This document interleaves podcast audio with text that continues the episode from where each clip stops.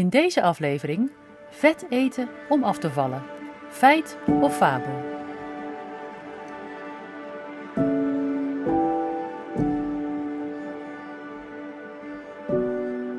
Hallo en welkom bij aflevering 54 alweer van de Keto Podcast. Ja, hè, eindelijk weer een nieuwe aflevering.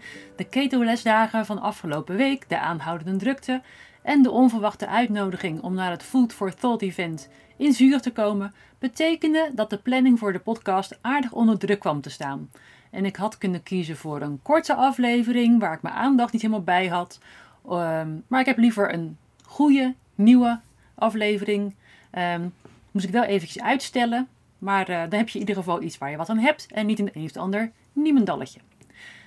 Ik had al een idee voor de nieuwe podcast. Dat was een uh, vervolg op het thema waar we al mee bezig waren. En dat was uh, de ketogene leefstijl voor gewichtsverlies. En je hebt ook kunnen luisteren naar het interview met Floortje.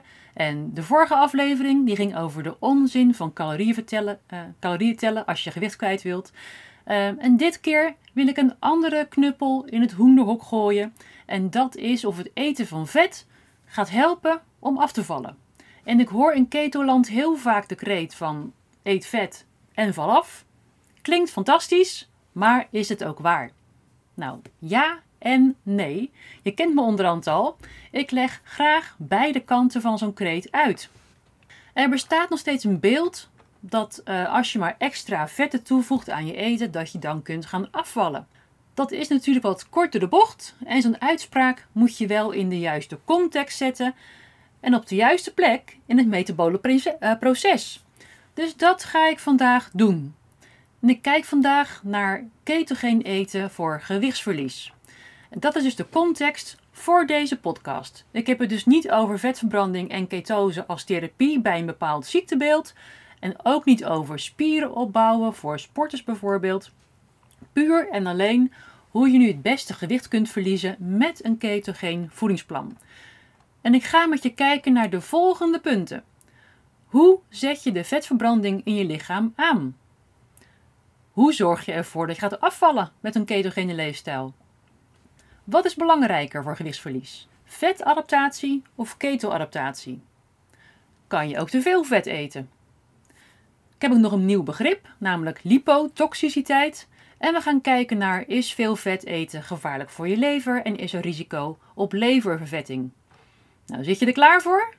Dan gaan we beginnen. Ben je een nieuwe luisteraar van de Keto Podcast, dan welkom uiteraard. Luister gerust naar deze aflevering, maar als je nog meer nodig hebt om beter te kunnen plaatsen wat ik allemaal zeg, dan raad ik je aan om ook naar aflevering 6 over insulineresistentie te luisteren.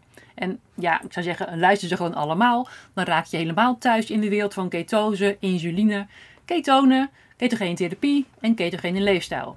Oké, let's go. Punt nummer 1. Hoe zet je de vetverbranding in je lichaam aan? Als je ketogeen wilt gaan eten om gewicht te verliezen, dan begin je niet met vet toevoegen, maar met koolhydraten beperken. Dat is namelijk wat die switch in gang zet. Ik leg nog even kort uit hoe het werkt. Als je koolhydraten eet, dan stijgt glucose in je bloed. Die glucose moet opgenomen worden in de cellen. De opname wordt mogelijk gemaakt door het hormoon insuline. Dat heb je daar echt voor nodig, anders dan kan je de glucose niet opnemen in de cellen. De alvleesklier, of de pancreas, die maakt insuline aan. Dat komt via de bloedbaan aan bij de cellen. Daar werkt insuline als een soort sleutel in het slot. En insuline opent daar als het ware mee de deur voor glucose. De, de glucose kan nu de cel in en in de cel wordt het gebruikt voor de productie van energie. Als er nu te veel glucose is om in de cellen op te nemen, dan wordt een deel daarvan opgeslagen in glycogeen, in de spieren en in de lever, als extra voorraadje. En als er nog meer over is, dan wordt het onder invloed van insuline omgezet in vet. Heel handig, want dan heb je nog energie op voorraad voor later als de glucose eventueel op is. Bij overgewicht is er heel vaak sprake van insulineresistentie. Dat betekent dat de cellen veel minder gevoelig worden voor insuline. Insuline komt nog wel steeds aan de deur, maar er zijn minder, minder sleutelgaten om de deur mee te openen. En de glucose die nu voor de deur staat, die kan de cellen niet in. En die wordt dan maar opgeslagen in de vetlagen. Het lichaam zal die kostbare energie niet verspillen, maar bewaren voor als er straks misschien een tijd lang niets te eten is. Dat is een evolutionaire overlevingsstrategie. Insuline is in dit metabole eh, proces een soort verkeersregelaar. Insuline is hoog als er veel glucose in het lichaam is. Insuline wil dan de glucose in de vetcellen stoppen, maar dat lukt niet omdat die cel resistent is geworden. Dan komt er nog meer insuline vrij in een poging om alsnog die deur van de cel open te zetten. En dat lukt deels, maar deels ook niet. Het deel van de glucose dat niet wordt opgenomen, wordt dan omgevormd tot vet en opgeslagen. Allemaal onder de invloed van insuline. Dus onthoud, als insuline hoog is, vindt er meer opslag van vet plaats. Ik ga niet helemaal in de diepte over hoe het precies werkt en waarom. Ehm, dus wanneer er veel vetopslag heeft plaatsgevonden door insuline, dan is het dus van belang om dat hormoon weer omlaag te krijgen. Want als insuline laag is, dan pas kan er vetafbraak plaatsvinden. Maar hoe krijg je nou voor elkaar om de insuline omlaag te krijgen? Door minder koolhydraten te eten, zodat de glucose in het bloed niet te hoog wordt. En dit moet je dus even goed onthouden, want dit is de crux bij het succesvol en blijvend afvallen. Je kunt ook verhoogde glucosespiegels hebben door chronische stress of de chronische ziekte. En als dit bij jou speelt, dan raad ik je aan om contact op te nemen met een ketoprofessional en je goed te laten begeleiden. Dan moet je ook nog wat andere dingen oplossen en niet alleen je voeding aanpakken. Maar goed, waar waren we gebleven? Bij insuline. Insuline laten dalen om vetten te kunnen vrijmaken voor de energieproductie in je lichaam. En dit doe je dus door de koolhydraten in je dagelijkse voeding flink te beperken. Ook vasten en nuchter sporten helpt hierbij, maar je zult toch ook echt je koolhydraten moeten gaan verminderen. Zo zet je dus de vetverbranding in je lichaam aan door het schrappen van koolhydraten. Het volgende punt. Hoe zorg je ervoor dat je gaat afvallen met een ketogene leefstijl? Wanneer je net bent begonnen met het flink beperken van je koolhydraten, dan zal je waarschijnlijk al snel een paar kilo afvallen.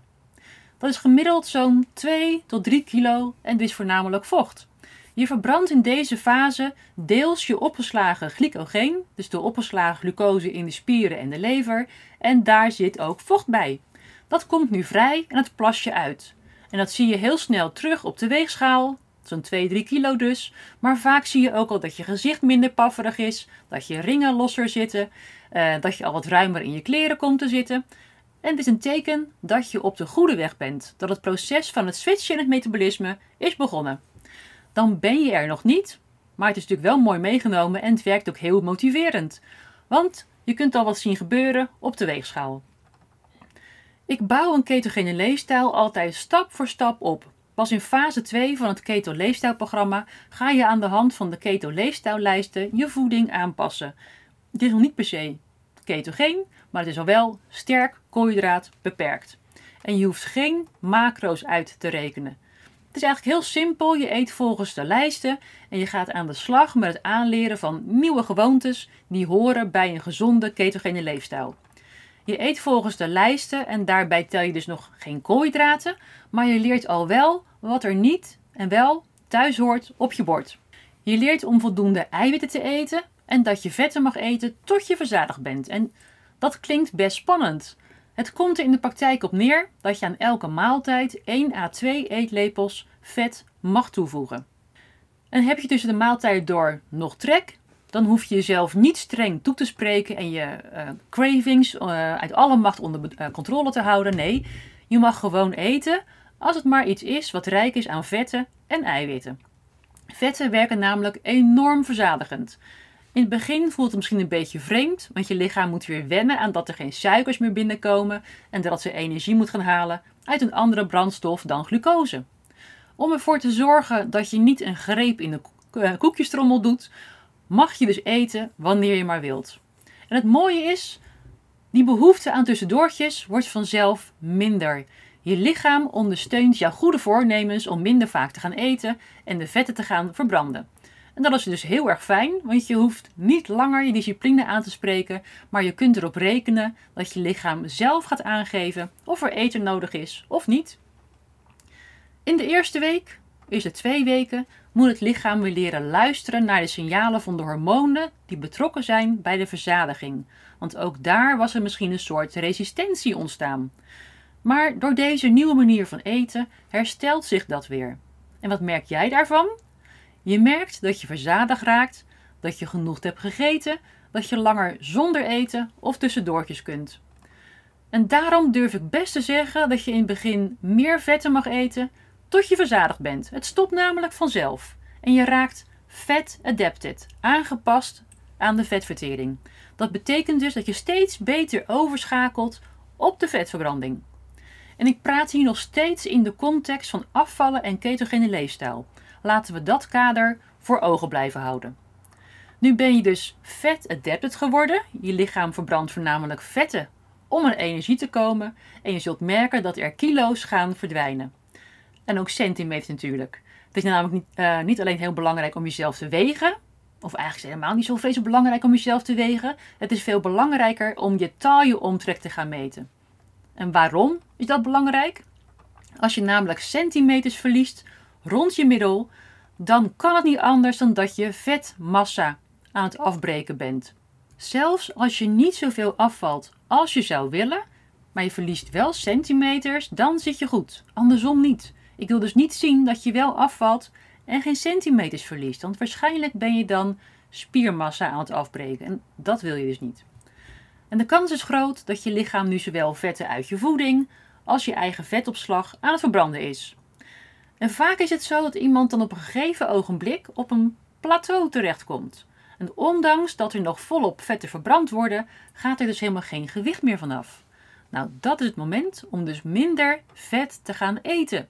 Je lichaam blijft in de vetverbranding, maar haalt de vetten niet meer zoveel uit de voeding um, en spreekt het eigen vetweefsel aan. En je vetverbranding die blijft dus gewoon doorgaan, zolang je heel weinig koolhydraten eet en je insuline laag houdt. Dus de allerbeste manier om te testen of je in de vetverbranding zit, is het meten van je ketonen. Bij de vetverbranding komen namelijk ketonen vrij als een soort bijproduct. Ketonen kun je dus alleen maar uit vetten maken, niet uit koolhydraten, niet uit eiwitten, nergens anders uit, alleen uit de vetverbranding. Dus meet je in je urine of in je bloed ketonen, dan weet je in ieder geval zeker dat je in de vetverbranding zit.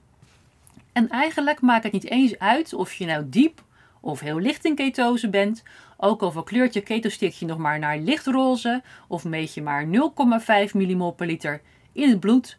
Ketonen betekent vetverbranding. En dat is alles wat je voor dit doel wilt weten. Klaar. Moeilijker is het niet als afvallen je doel is. Maar wat is nou belangrijker voor gewichtsverlies? Vetadaptatie of ketoadaptatie? Ik denk dat ik nu wel duidelijk heb uitgelegd dat vetadaptatie een belangrijke stap is om gewicht te gaan verliezen. En er bestaan in de ketowereld nog veel misverstanden over het verschil tussen vetadaptatie en ketoadaptatie. Vetadaptatie komt altijd voor ketoadaptatie. Je kunt dus wel vet-adapted zijn zonder ketoadaptatie, maar je kunt niet keto-adapted zijn zonder vetadaptatie. Ketoadaptatie is next level. De mate waarin en de snelheid waarmee je keto-adapted wordt hangt af van de hoeveelheid ketonen en de lengte van de periode waarin je in ketose bent.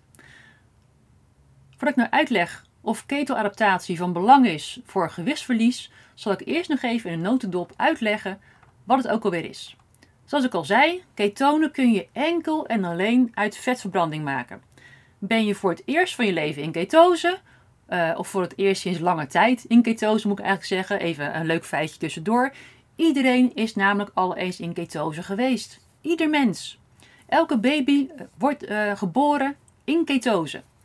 En als je daarna ook nog borstvoeding krijgt, dan blijf je ook nog wat langer licht in ketose. En we gaan er eigenlijk pas uit als je moeder je rijstepap gaat geven, of rijstewafeltjes of soepstengels. En ook als je flesvoeding krijgt, dan ben je sneller uit ketose omdat daar weer meer suikers in zitten. En dat verklaart waarschijnlijk waarom die baby's die flessenvoeding krijgen zwaarder zijn dan de baby's die borstvoeding krijgen, denk ik ineens. Ik denk dat het wel eens eh, zou kunnen kloppen eigenlijk. Maar goed, dat was even een zijsprongetje. Iedereen is dus wel eens in ketose geweest ooit.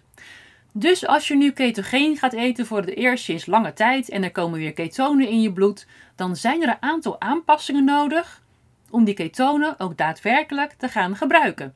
Ten eerste moeten die ketonen aangemaakt worden en het gebeurt in de lever en daarvoor zijn een aantal enzymatische stapjes nodig.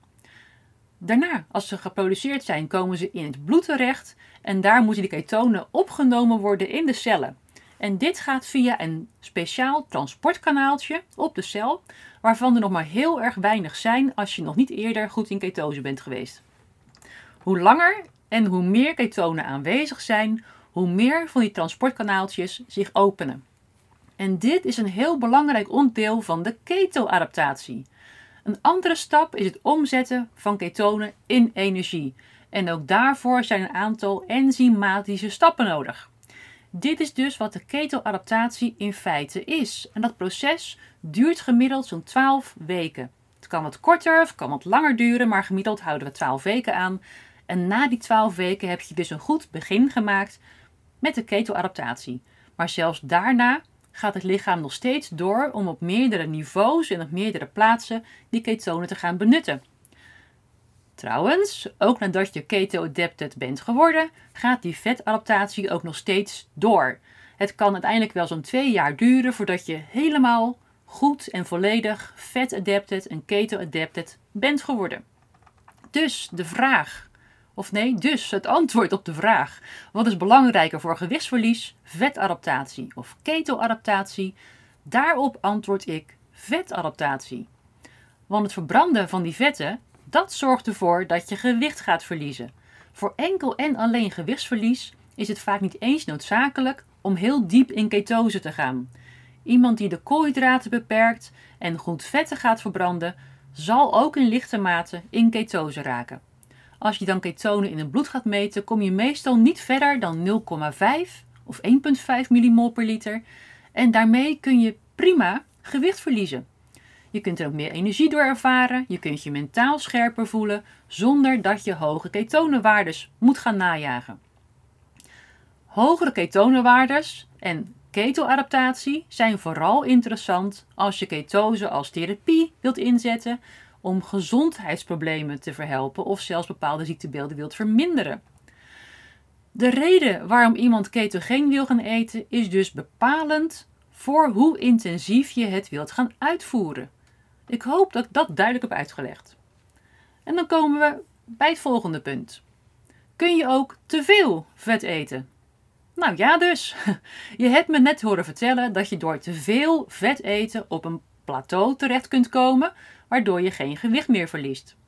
Maar ook voor je gezondheid kan het eten van te veel vetten negatieve effecten hebben. En ik realiseer me dat het een beetje vloeken is in de ketokerk, maar ongelimiteerd veel vet eten is voor de meeste mensen niet goed. Op social media zie ik wel eens voorbij komen dat wordt geadviseerd om meer vetten te eten om maar dieper in ketose te komen. En er wordt nog steeds gedacht dat hogere ketonenwaardes zorgen voor meer gewichtsverlies en dat is dus niet zo. Veel vet eten of vetloading gaat er dus niet voor zorgen dat je slanker wordt. Ja, je moet gezonde vetten eten, die heb je ook gewoon nodig. Maar tegen heug en meug naar binnen werken omdat je je macro's nog moet halen, dat is natuurlijk niet de bedoeling. Je moet juist zelf weer gaan leren, uh, gaan leren voelen waar je verzadigingspunt ligt. En dat moet je dus echt, echt weer gaan leren voelen. Je moet je dus niet vastklampen aan uitgerekende macro's of voorgeschreven hoeveelheden, waarbij je een bepaalde nou, hoeveelheid vet zou moeten gaan eten. Want genoeg is genoeg. Vol is vol. Ook als je een hoeveelheid vetten eet waardoor je niet lekker gaat voelen, zo'n beetje licht misselijk, beetje zwak, hoofdpijn, niet lekker, oprispingen, dat soort dingen, dan eet je waarschijnlijk te veel vet. En de kunst is dan om de vetinname gewoon rustiger op te bouwen, zodat je spijsvertering het kan bijbenen. Dit geldt ook voor mensen die problemen hebben met de vetvertering, waaronder ook zij die geen galblaas meer hebben.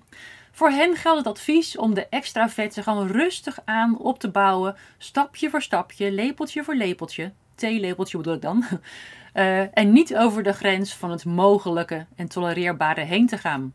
Het is jammer als je de hele dag misselijk voelt of darmklachten krijgt door die extra vetten. Eventueel kun je de vetvertering ondersteunen met spijsverteringsenzymen waar ook gal in zit.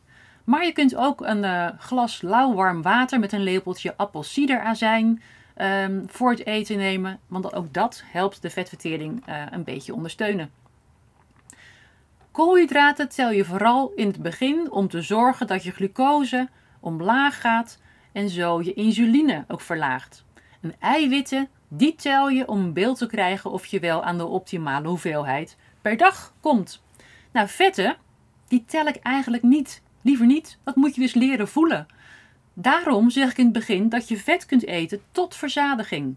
En daarna ga je je lichaams eigen vetten gebruiken om aan energie te komen. Dus in het begin vetten omhoog om verzadiging te stimuleren en ketose te versnellen eventueel en in die vetadaptatie op te, op snellen. Um, en later in het traject verlaag je die vetten weer als je verder wilt afvallen. Meer vet eten laat je dus niet verder afvallen. Het kan zelfs negatieve effecten hebben en vooral bij mensen die flink insulineresistent zijn.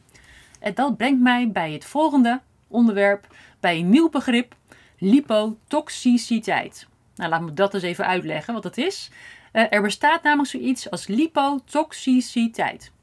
En dat zien we vooral bij mensen die chronisch insulineresistent zijn of zelfs al diabetes type 2 hebben ontwikkeld. Deze mensen zijn resistent voor insuline en hebben een probleem met de glucosehuishouding, maar ze hebben ook vaak problemen met vet. Bij lipotoxiciteit is er te veel vet aanwezig in de bloedbaan. Dit kan leiden tot ontstekingen en verstoringen in het lichaam. Lipotoxiciteit is ook een kenmerk van het metabol syndroom, het gevolg van een metabole dysfunctie. Wanneer insulineresistentie optreedt, worden de koolhydraten een probleem, dat weten we nu wel, maar een mogelijk nog groter probleem is het vet en vooral het verzadigd vet. Ons vetweefsel bestaat uit vetcellen en dat kan slechts een bepaalde hoeveelheid vet vasthouden. Wanneer we te veel verzadigd vet eten, kan in deze situatie de druk verder opgevoerd worden. En als we dan dus te veel vet consumeren, proberen deze vetcellen het extra vet op te nemen, maar ze kunnen het niet meer vasthouden. De vetcellen stromen als het ware over en de vetten komen in het bloed terecht.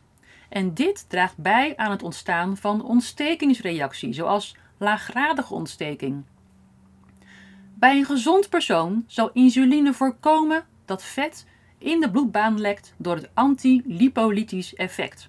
Weet je nog? Insuline is het hormoon wat zorgt voor vetopslag. En het remt de afbraak van vetweefsel voor brandstof. Als de vetcellen insulineresistent zijn geworden, dan luisteren ze niet meer naar de boodschap van insuline om dat vet op te nemen. Of als ze veel te vol met vetten zitten, dan gaan ze lekken, omdat er te veel ja, ingepropt wordt eigenlijk. Dus de vetten komen dan in het bloed terecht en worden niet gebruikt voor energie. Betekent dit dan dat je juist geen vetten mag eten als je te maken hebt met lipotoxiciteit? Nou, je zou denken van wel misschien, maar ik denk dat je dit in de juiste volgorde moet oplossen. En dat is eerst de koolhydraten beperken om de insulineresistentie te verlagen. En daarbij ben je ook matig met de inname van verzadigde vetten totdat de lipiden in het bloed genormaliseerd zijn, de insulinewaardes gedaald zijn en die vetcellen dus niet langer overlopen. En dit kun je meten in het bloed met onder andere triglyceriden. Daarom zie je na de start van koolhydraatbeperking zo ontzettend snel de triglycerides dalen. In vervolg hierop kom ik nu bij het laatste punt en dat is is veel eten gevaarlijk voor je lever? Is er risico op leververvetting? Bij mensen met insulineresistentie en lipotoxiciteit ligt er ook nog een ander gevaar op de loer en dat is leververvetting, of beter gezegd, niet-alcoholische leververvetting. De vetten die circuleren in de bloedbaan, die hopen zich op in de lever. En dat is niet de hoofdreden van leververvetting, want het, uh, het lijkt er even alsof ik hier alle vetten in de voeding de schuld ga geven. Nee, de belangrijkste oorzaak is nog steeds het consumeren van grote hoeveelheden koolhydraten in combinatie met te veel vetten. En dat is nog niet alles. Ook fructose draagt bij aan leververvetting. En wil je daar nog eens diep induiken, luister dan naar aflevering 39, waarin ik een heel verhaal haal, een heleboel uitleg over fructose en de polio pathway.